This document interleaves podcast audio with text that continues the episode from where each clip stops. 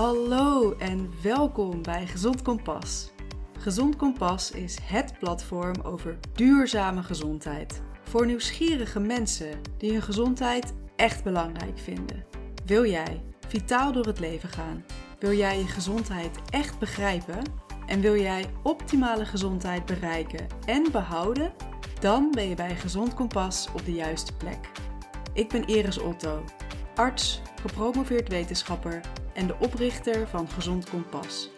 Met deze podcast hoop ik jou te inspireren om je eigen kompas naar jouw optimale gezondheid te ontwikkelen. Bedankt dat je luistert.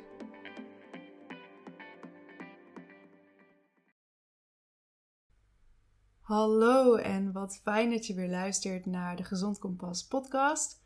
Deze aflevering is een gesprek tussen mij en collega-arts Corine van Egmond dat wij op 10 mei hadden op Instagram Live. Dus omdat het via Instagram is opgenomen, is de geluidskwaliteit wat minder dan dat je gewend bent van deze podcast. Maar het is alsnog hopelijk een heel leuk en inspirerend gesprek wat ik graag met je wil delen. Corine interviewt mij over mijn visie op gezondheid en zorg, over mijn werk en over gezond kompas natuurlijk. Nou, veel plezier met luisteren. Zo, daar zijn we dan. Voor de eerste keer live op dit kanaal en voor de tweede keer in totaal. Dus super leuk. Ik ga Corine uitnodigen. Nou, gelukt! Welkom! Daar zitten we weer. Vorige week op jouw kanaal. Toen ging ik jou interviewen. En uh, dat vonden we zo leuk dat we dachten, nou, doen we nog een keer. Draaien we de rol om. Dan ga je mij interviewen. Ja. Hey, wil, je, uh, wil je misschien iets um, meer vertellen over wie je bent? Ja, natuurlijk. Nou, mijn naam is Iris. Iris Otto. Uh, ik woon in Utrecht en ben daar ook opgeleid aan de Universiteit Utrecht als uh, arts. Ik heb ook promotieonderzoek gedaan, ook aan de Universiteit Utrecht. En ben vorig jaar gepromoveerd binnen de regeneratieve geneeskunde. Dus er kwam op neer dat ik kraakbeen vanuit het niets liet groeien. En dat printen met een 3D-printer in de vorm van een oor. En op die manier eigenlijk een nieuw oor kweekte. Dus dat was uh, fantastisch, mooi onderzoek, mooie resultaten mee bereikt. En uh, dus hopelijk ook meer stappen gezet in de richting van uh, klinische toepassing daarvan voor kinderen.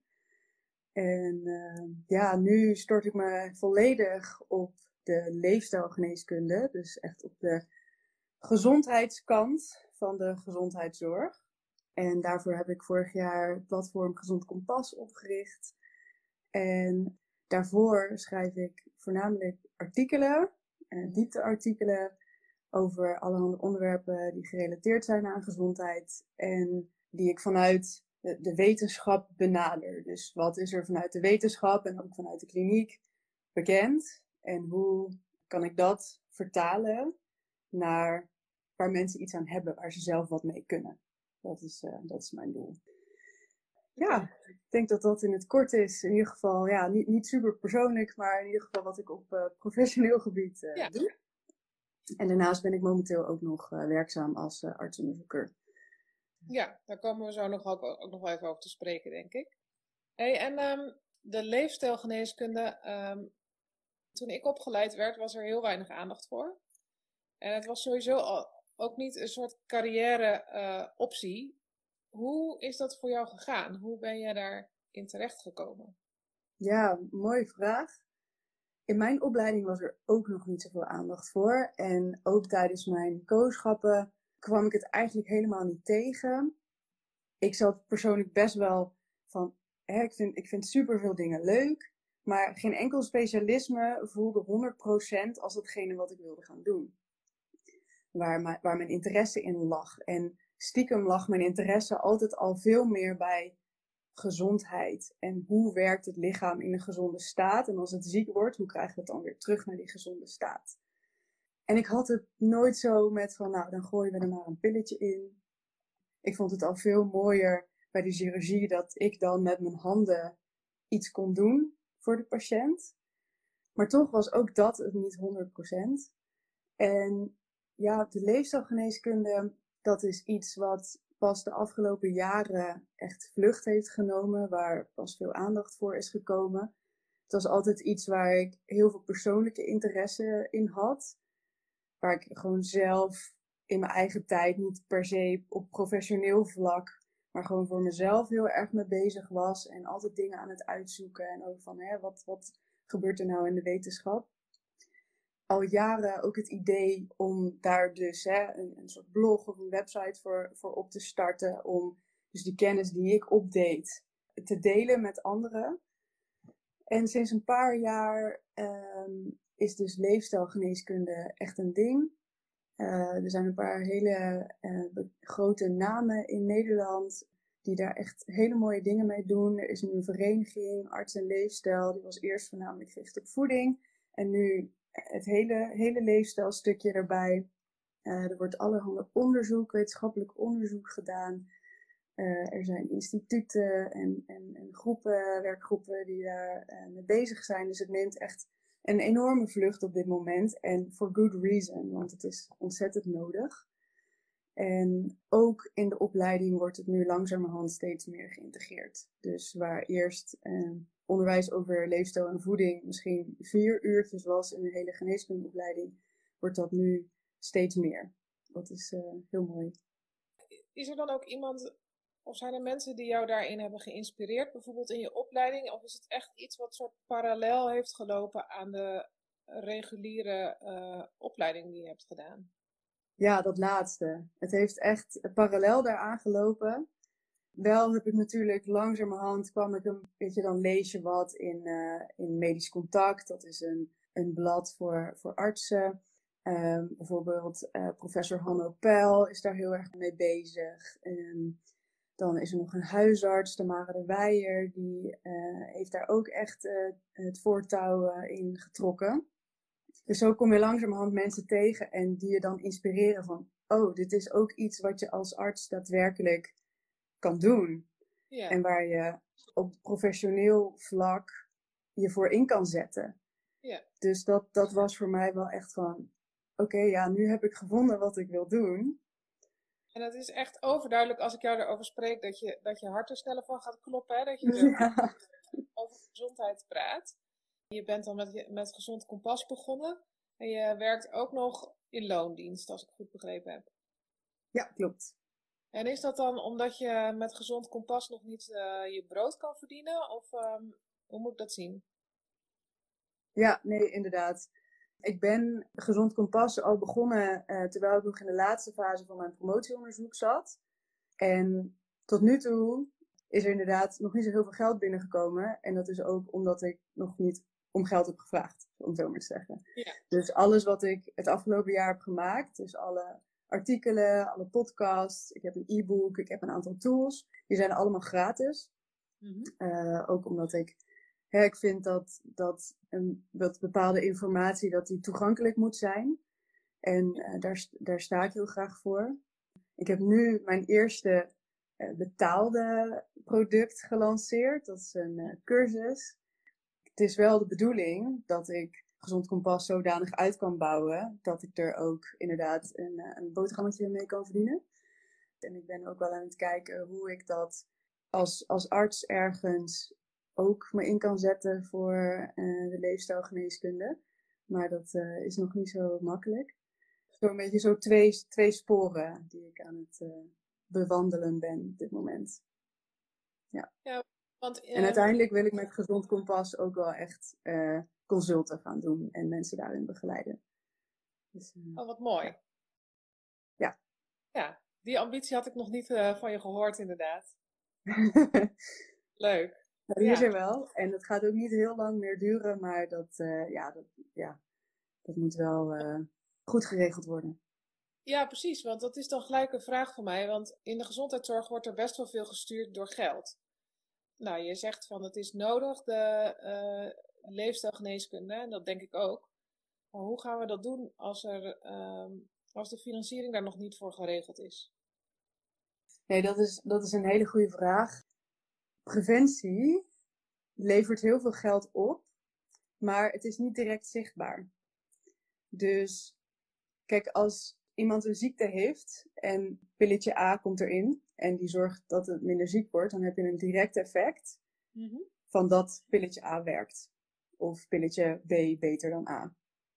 Maar als jij gezond gaat leven en je wordt niet ziek, dan is dat niet direct zichtbaar in die zin, omdat je niet weet of je anders wel ziek was geworden.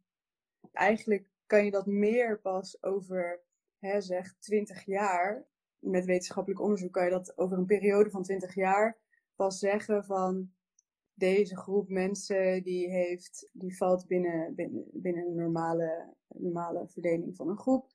En die heeft uh, drastisch uh, uh, leefstijlveranderingen, die heeft niet gerookt, die heeft gezond gegeten op een bepaalde manier, die heeft veel bewogen, et cetera, et cetera.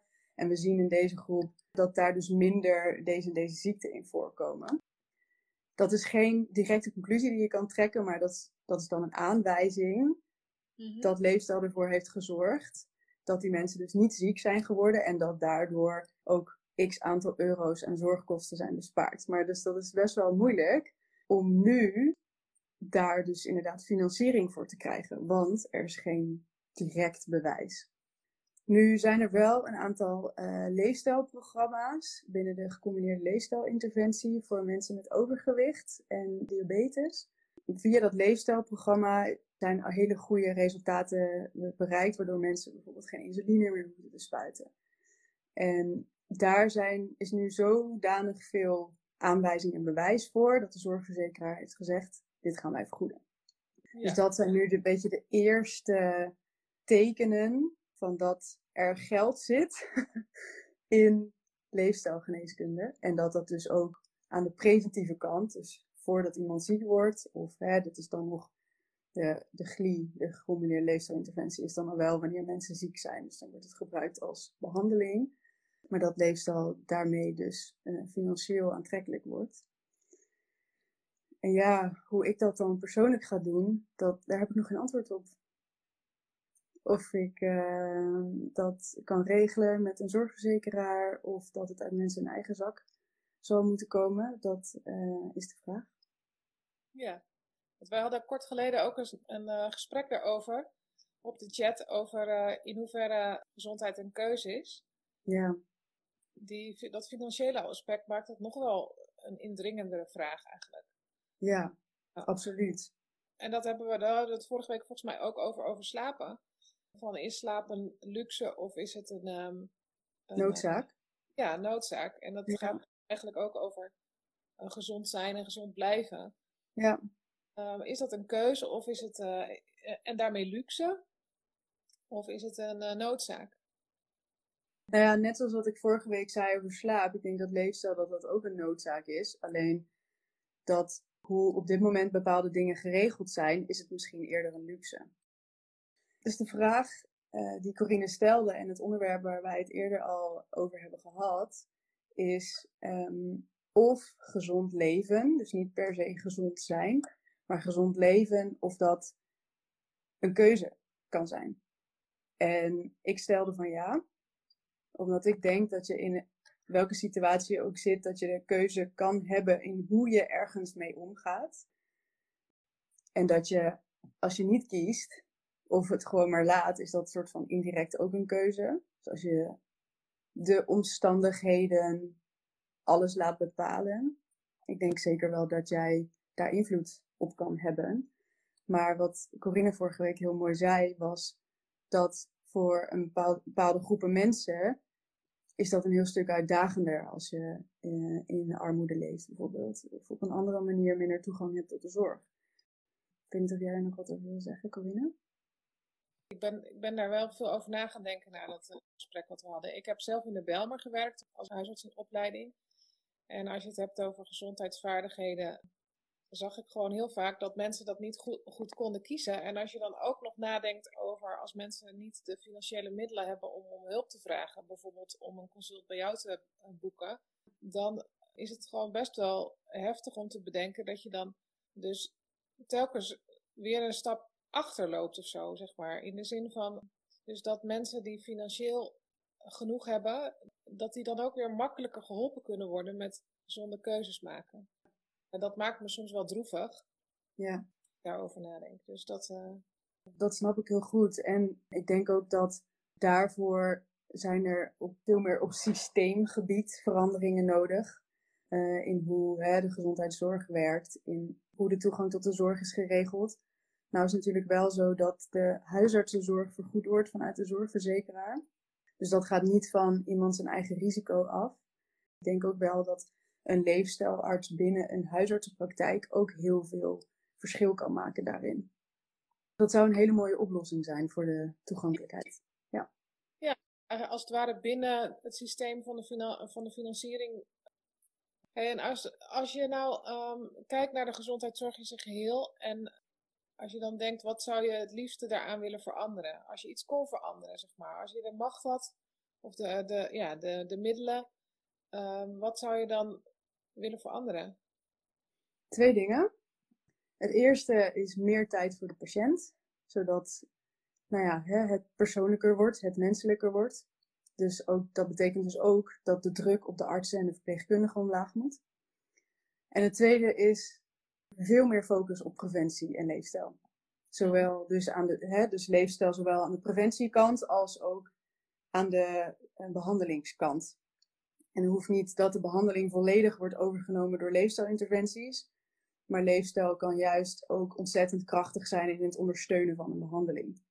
Bijvoorbeeld mensen die een operatie moeten ondergaan, dat die eh, zes weken van tevoren een trainingsprogramma krijgen bij een fysiotherapeut, waardoor ze sterker en fitter die operatie ingaan. En er zijn ook onderzoeken naar geweest die dan laten zien dat daardoor die mensen beter uit de operatie komen, minder pijnstilling nodig hebben en sneller uit het ziekenhuis kunnen worden ontslagen. En dus ook minder nazorg nodig hebben wat dat betreft. En sneller gewoon weer op de been zijn en verder kunnen met het leven wat ze leiden. Dus dat is, uh, ja, dat vind ik heel veel, dat vind ik veelbelovend. Denk je dat de medische wereld er klaar voor is? Gedeeltelijk wel. Ja, ik zie echt dat uh, er vanuit allerhande hoeken uh, interesse komt voor leefstijl. Dus vanuit de, de chirurgie, de neurologie, de immunologie, oncologie. Ik zie echt artsen in allerhande specialismen die hiermee aan de slag gaan. En ik denk dat, dat het steeds opener wordt. Er komt steeds meer aandacht voor. Dus zullen uiteraard ook altijd mensen zijn die denken van ja, ik ben er niet keer mee. Ik denk dat uh, de deur verder dan op een keertje open staat. Misschien ook als uh, er meer aandacht voor komt in de opleiding, dat er ook gewoon een nieuwe generatie dokters komt. Ja, absoluut. Ik zie ook dat heel veel jonge artsen hiermee bezig gaan. Er is ook een, uh, een, uh, een opleiding voor een leefstijlarts, die bestaat nu een jaar of vier, geloof ik. En ja. die is ook steeds populairder. Die is, uh, de eerste keer waren er geloof ik tien artsen en nu zit die opleiding elke keer helemaal vol. Ik heb ook een plekje weten te bemachtigen, dus vanaf september ga ik ook opleiding tot leefstijlarts. Gefeliciteerd. Dus, ja, dankjewel. Het is trouwens de eerste keer dat ik het zeg in het openbaar. Dus een primeur, als je kijkt. Ja, superleuk. Ja, echt tof dat er zoveel mensen inderdaad interesse voor hebben nu. Heeft slaap een uh, rol in, in het programma, weet je dat? Ja, absoluut. Dat hele module over slaap. Leuk. Dus dat juist ik ook toe.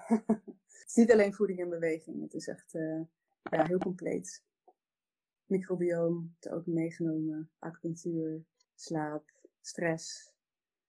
Hoe heeft corona, de coronatijd jouw uh, visie op uh, gezondheid veranderd? Oeh. Als dat al gebeurd is, he, heeft, is dat gebeurd? Nou, ik denk dat de coronatijd mijn visie op gezondheid heeft bevestigd. Dus mijn visie had zich al ontwikkeld wat ik heb gezien is dat gezondheid zo waanzinnig belangrijk is en dat leefstijl daarin een enorm grote rol speelt in de weerstand van mensen, in de vitaliteit, in de veerkracht. En uh, de coronatijd die die heeft dat uitvergroot, hoe nodig dat is. En het heeft ook bij heel veel zorgprofessionals, wat dat betreft, het kwartje laten vallen. Dus ook binnen de medische wereld leefstijl steeds belangrijker is geworden, juist vanwege hè, het, de mogelijkheden daarin om veerbaarder te worden, om vitaler te worden, om ziekte te kunnen voorkomen of minder heftig te laten verlopen en uh, zelfs te behandelen of in samenspraak met hè, de reguliere behandelingen zoals uh, medicatie of operatie. Dus die inzichten die hebben mijn missie eigenlijk alleen maar versterkt. Dus ja, daar ben ik heel erg dankbaar voor. En um, op volle, volle kracht vooruit, laten we maar zeggen. En er is nog heel veel ground to cover. Er moet nog heel veel gebeuren voordat leefstijlgeneeskunde echt een vast onderdeel wordt van de gezondheidszorg. Maar mijn ambities zijn groot daarin en ik denk dat er heel veel in bereikt kan worden en dat er heel veel positieve impact gemaakt kan worden. En uh, ja, daar uh, ben ik 100% toe bereid om uh, daarin te pionieren. Wat ik nu dus aan het doen ben. Ja. Dus, dus je al had van ehm, dat het belangrijk is om je gezondheid te bevorderen en ziekte te voorkomen, die is eigenlijk ehm, versterkt doordat je ziet wat er in coronatijd gebeurt. Ja, precies. Ik denk dat corona de, de problemen die er waren in, in de gezondheid, hè, de maatschappelijke gezondheid, dat die het hebben uitvergroot en daarmee ook het belang van leefstijl en leefstijlinterventies en preventie. Ja, ik denk echt dat, uh, dat, dat leefstijl een hele belangrijke rol speelt en kan spelen in nou ja, de, de vitaliteit, in de weer, uh, weerbaarheid, veerkracht, herstel. Ja. Hey, en um, we hebben helemaal aan het begin heb je even iets gezegd over dat je ook nog een hele andere rol hebt. Uh, als onderzoeker werkt. Zou je daar iets meer over vertellen? Ja, zeker. Ik werk momenteel als arts klinisch onderzoek in het UMC Utrecht. En um, mijn promotieonderzoek was best wel fundamenteel. Dus echt hè, in het lab, pipeteren, reageerbuisjes, uh, cellen, dat soort dingen. En nu werk ik uh, als arts bij een klinische trial voor uh, COVID-vaccinonderzoek. Dus heel actueel. En voor mij ook heel nou ja, fijn dat ik op deze manier mijn, wat kan bijdragen. En ook heel leerzaam natuurlijk om te zien hoe klinische trial, hoe dat werkt. En wat er allemaal bij komt kijken. En zeker nu in zo'n, in zo'n crisistijd waarin er continu dingen veranderen. En, uh, dus dat is uh, heel leerzaam. betekent een klinische trial? Want dat weten misschien de meeste mensen niet. Een klinische trial betekent dat uh, bijvoorbeeld een medicijn of een vaccinatie, die dus eerst in een laboratoriumsetting is getest, dat die op mensen getest gaat worden.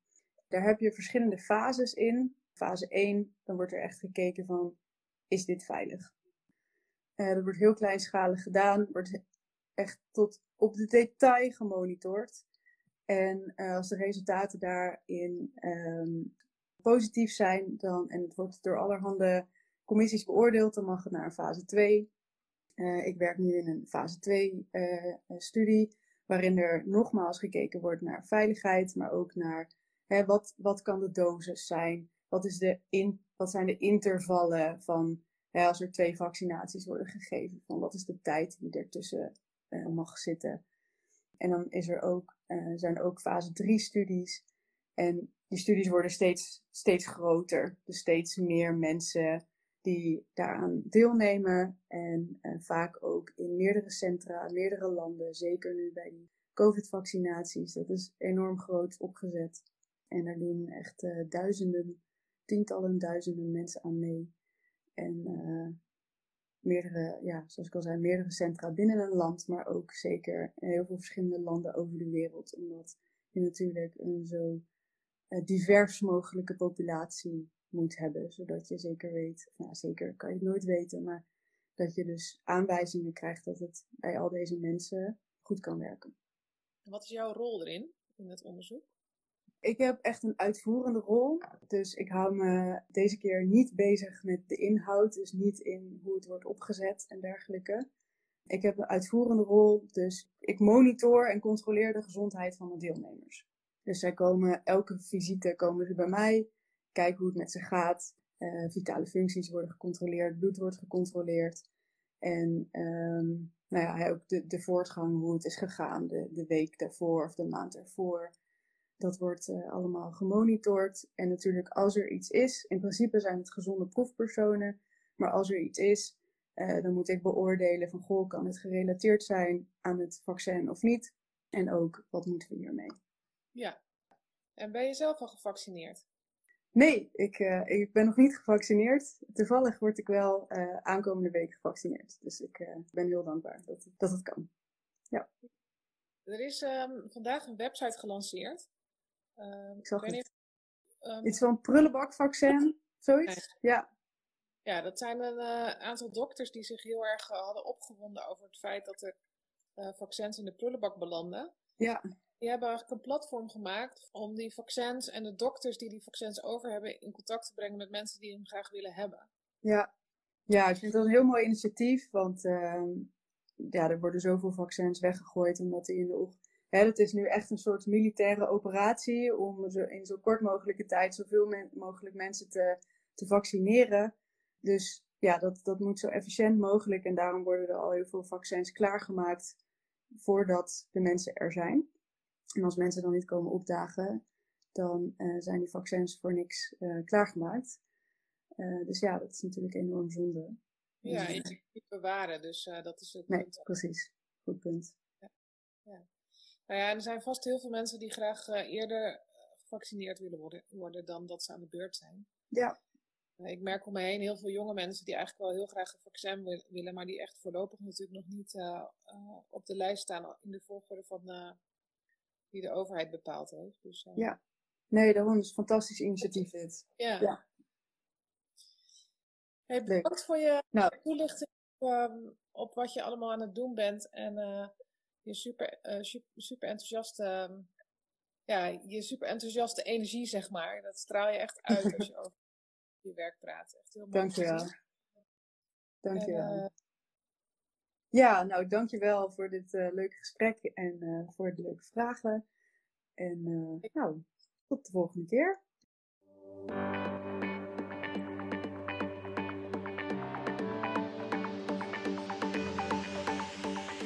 Je luisterde naar de podcast van Gezond Kompas. Ik hoop natuurlijk dat je deze aflevering waardevol vond. En ik waardeer het ontzettend als je de podcast met anderen deelt en een beoordeling en een recensie achterlaat. Dit helpt namelijk om de podcast te laten groeien en zo meer mensen te kunnen ondersteunen in duurzame gezondheid. Dus alvast bedankt voor je moeite. Abonneer je op dit podcastkanaal om op de hoogte te blijven van nieuwe afleveringen en volg Gezond Kompas op Instagram. Voor alle artikelen, downloads en andere handvatten voor een duurzame gezondheid, ga naar gezondkompas.com. Nogmaals bedankt voor het luisteren en graag tot de volgende keer.